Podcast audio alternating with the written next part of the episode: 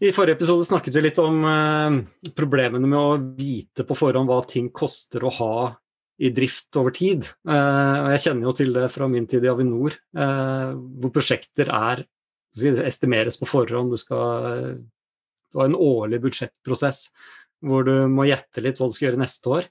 Og det stemmer veldig dårlig med digital produktutvikling, som er mye raskere, og du vet ting underveis, og du kan finne ut av hvilken verdi som ting gir.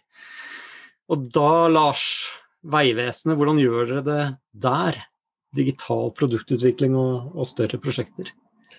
Godt spørsmål. Jeg tipper det matcher en del av dine erfaringer, Andreas. Men budsjettprosessen i det offentlige er jo årlig, fordi vi får våre midler fra statsbudsjettet. Mm. Uh, så den slipper ikke unna. Og det varierer nok litt fra etat til etat, men vi har en frist tidlig i, på våren for å komme med forslag til prosjekter for neste år. Og da må de gjerne også levere en gevinstrealiseringsplan som skal være for hele prosjektperioden. Og når du ikke vet hva sluttresultatet er, det vet du jo uansett ikke, men i hvert fall når du holder på med digital produktutvikling og MEP-er, så sier jo seg sjøl at den matcher ikke veldig godt. da. Mm. Um, så svaret på det er ikke så veldig enkelt. Men um, jeg kan ta en uh, annen variant. Da, da, da vi starta det initiativet jeg leder nå, som er egentlig å gjøre Statens vegvesen til en mer datadrevet organisasjon, um, inkludert en dataplattform, men også en litt større endringsprosjekt, da, så spurte jeg ganske tidlig ok, kan vi finansiere det her på en annen måte enn gjennom prosjekt. Kan vi ha en mer kontinuerlig finansiering? Og Da var svaret egentlig nei, det går ikke. Vi har ikke en prosess som støtter. Mm. Du må bruke den vanlige prosjektfinansieringsprosessen. Uh, mm. Mm. Da tror Det er noe av problemet, at du har ikke en etablert prosess i det offentlige for kontinuerlig videreutvikling, som typisk skjer i, i digital produktutvikling. Men, men, det er et eller annet som jeg syns er veldig fascinerende med dette her, da, fordi det høres veldig rigid ut med disse årlige eh, prosessene og sånt nå. Og, men samtidig, det er jo det er jo en syklisk prosess, det òg. Det er bare det at iterasjonen er på ett år. Eh, mens eh, i en eh, digital verden så er den på en dag eller noen timer. eller i beste fall, da. Så, så, det er de to verdenene der, hvordan de kan forenes, det, det er et kjempeinteressant spørsmål. Jeg tror Da jeg jobba med, med liksom den type budsjettprosesser, så husker jeg at jeg synes det var egentlig var, noe av det var ganske nyttig. fordi hvert år så blir du tvunget til å tenke på gevinstene for det du lager, og hvorfor det burde eksistere neste år. Og det var egentlig en ganske nyttig øvelse å gjøre. fordi du blir liksom tvunget til at det er ikke business as usual. Du blir tvunget til å kjøre en prosess med eh, stakeholders og med liksom superbrukere og eh, brukerne for å liksom finne ut av hva er det vi bør se for oss å gjøre fremover. Du blir tvunget til å hele tiden hoppe. da. Og det syns jeg var liksom verdien av det.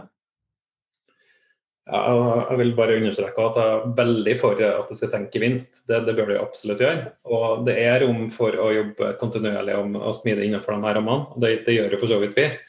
Vi har jo hatt produksjonssettinger flere ganger per dag. Det, og vi tenker gevinst og product discovery og sånt hele veien. Uh, men måten vi har gjort det på konkret, uh, det er jo at vi Eh, gjør eh, betraktninger rundt eh, gevinster på lang sikt, som er mer sånn top down. Hvordan er effekter kan dette ha for organisasjonen på f.eks. produktivitet? Og hente inn litteratur fra det.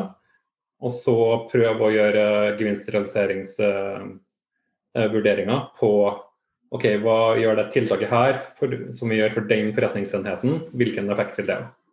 Mm. Da får du et budsjett, og hvordan du opererer når du først har fått det budsjettet, det, det, er på en måte separat. Da kan du organisere deg hvordan du vil. Så vi jobber jo hypotesebasert og med eksperimenter og deployer kontinuerlig. Så det, det er mulig å få veldig mye innenfor også offentlige rammer.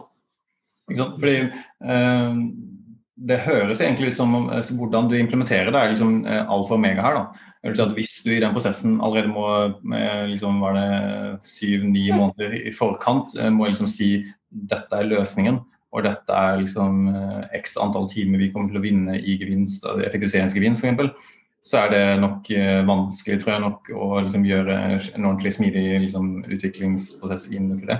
Men hvis man heller sier at vi skal prøve å løse opp i dette behovet eh, som vi har avdekka her, så kan det godt være mulig. Men en annen ting jeg liksom tenker på var hvorfor er den på våren?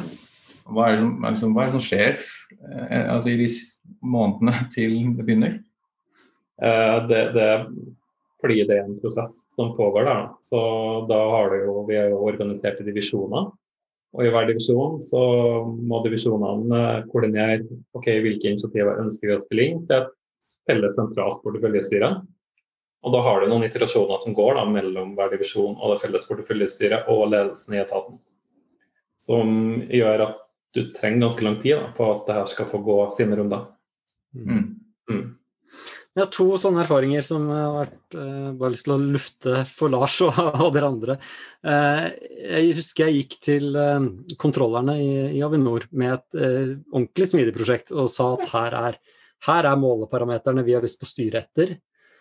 sånn skal vi følge med på de. og her er antall mennesker vi trenger, og vi tenker å bruke og vi tror vi kan begynne å si, treffe disse måleparameterne i løpet av så og så mange måneder. da. Uh, og så kan vi komme tilbake igjen og se hva gjør vi etter det. Det ble veldig godt mottatt. Altså jeg tok jeg kasta egentlig malene eh, og ga dem noe helt annet, og, og det var null problem.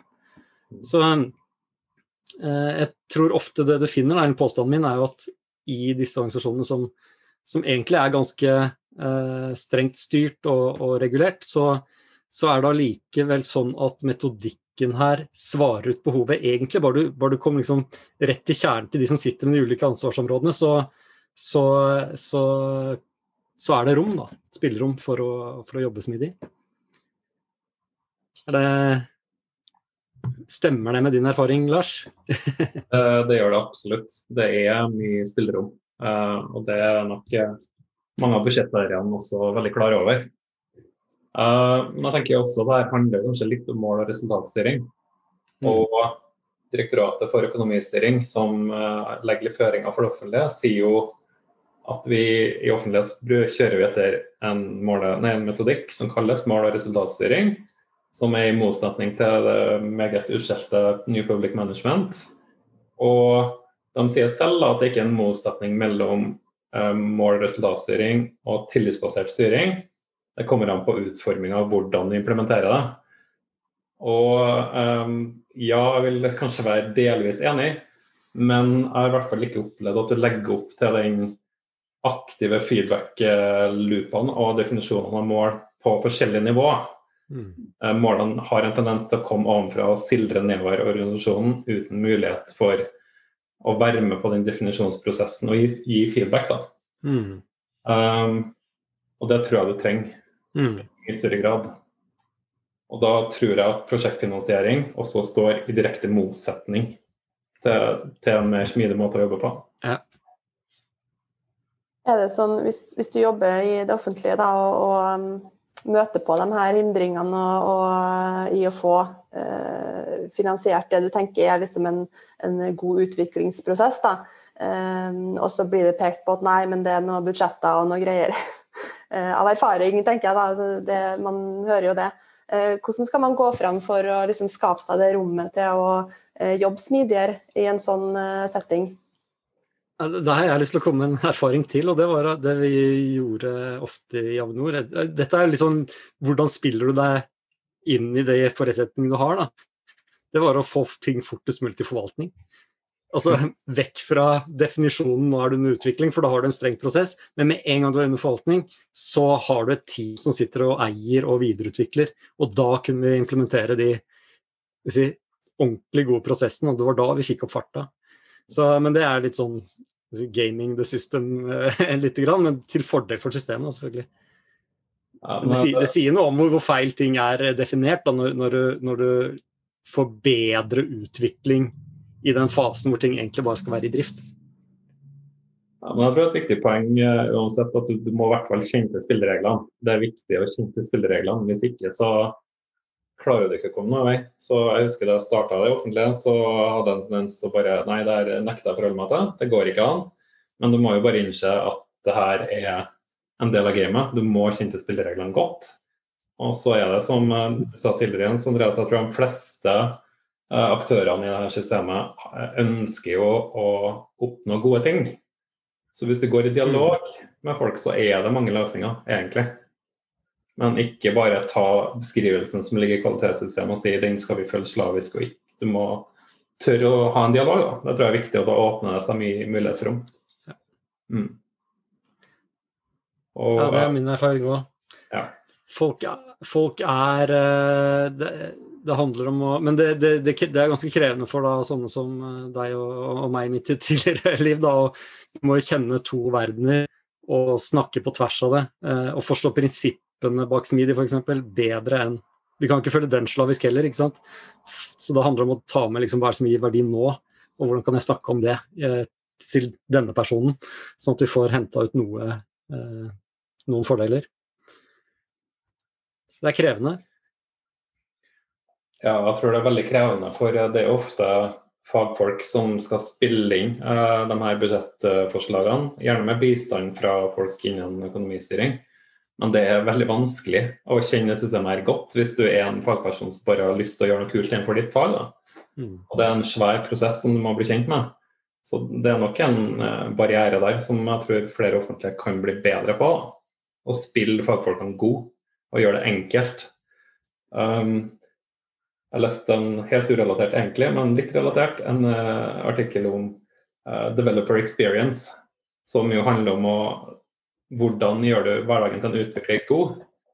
Da må du gjøre det enkelt å utvikle godt, og det tror jeg gjelder også budsjettprosess og alle mulige andre prosesser. Som bruker av prosessen så må det være enkelt å bruke prosessen. Og Da tror jeg det er lett at de som definerer prosessene, ikke tenker på så mye. De gjør det enkelt for seg selv, og ikke nødvendigvis for brukerne. veldig godt innspill. Jeg tror også veldig mange prosesser lages for å være vanskelig, slik at man når dette er veldig sånn paranoid her, for, for, at man skal ha mindre som kommer gjennom på andre siden. da. Det er mm. veldig paranoid her. Men uh, det kan godt hende at det er litt med en sånn uh, ja, men det er, kontroll, det er jo kontrollmekanismer. altså En budsjettprosess er en kontrollmekanisme for ikke å bruke penger på feil ting. Uh, mm. Så så, så, sånn sett så, så, så, er det jo det. Eh, man skal ikke bruke kaste bort skattebetalerens penger, f.eks. Eh, så, så er det igjen da å se, som vi var innom, Lars, at uh, man må forstå det for å kunne snakke med folk om at det, det vi gjør nå, er faktisk å ta vare på pengene til folk bedre. Og vi kommer til å følge med bedre, og vi kan slutte fortere, og vi kan finne ut om det gir en effekt eller ikke. Så jeg likte veldig godt den tankegangen om å gjøre det enkelt, da, sånn at det ikke blir en sånn prosess som gjør at de som er eh, skarpest på akkurat den og navigerer akkurat den prosessen, og klarer å argumentere best eh, og vite mest om akkurat hva som skjer bak der, eh, er de som får gehør. For det er jo ikke gitt at det blir rettferdig eller, eh, eller lønnsomt eller, eller, et godt resultat. Mm. Eller aller verst, den som slår hardest med neven i bordet, som får det største budsjettet. Jeg er redd det er noen, en del selskaper som fungerer på den måten.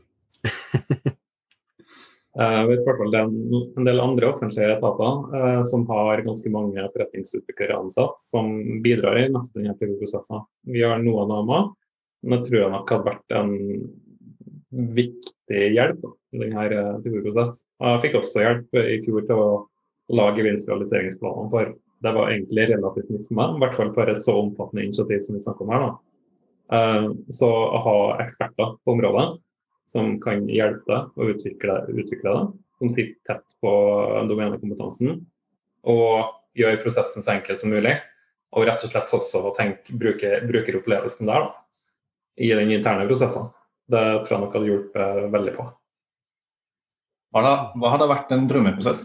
Hvordan hadde en uh, ideell liksom, uh, budsjetteringsprosess sett ut? ja, det er et godt spørsmål. Eh, det har jeg ikke et uh, godt svar på. Men uh, i hvert fall noe jeg opplever, er at det ofte blir for stort åpenrom, i hvert fall i tid, mellom utforskende aktiviteter. Uh, FoU, Proof of Concept og piloter, som Vegvesenet gjør masse av. Masse godt arbeid. Og så stopper den piloten, og så hva nå? Det ene er at jeg tror fagfolkene må få litt uh, bistand til å tenke helhet, da. tenke realisering fra starten av. Ikke bare tenk teknologidrevet, men tenk OK, hva, hvilken verdi gir det her, og hvordan kan vi skalere det fra starten av? Hvordan kan vi tenke skalering fra starten av? Um, sånn at du slipper at piloter stopper, kommer et godt resultat, og så tar det ett til to år før du kan få midler til å gå i produksjon og ja, ta det videre. Det, det opplever jeg som et ganske stort problem. Mm. Mm. Man er veldig sånn, happy for å få i gang eh, piloter og liksom, eh, prototyper og liksom, teste ut teknologi, men kanskje mindre på gjennomføringsevne, da, eller? ja, litt. Um, så jeg tenker en uh, budsjettprosess som hadde ikke vært like rigid og kanskje hadde kortere sykluser, hadde vært ideelt. Om det er mulig innenfor det offentlige systemet, da skal andre meg få uttale seg om.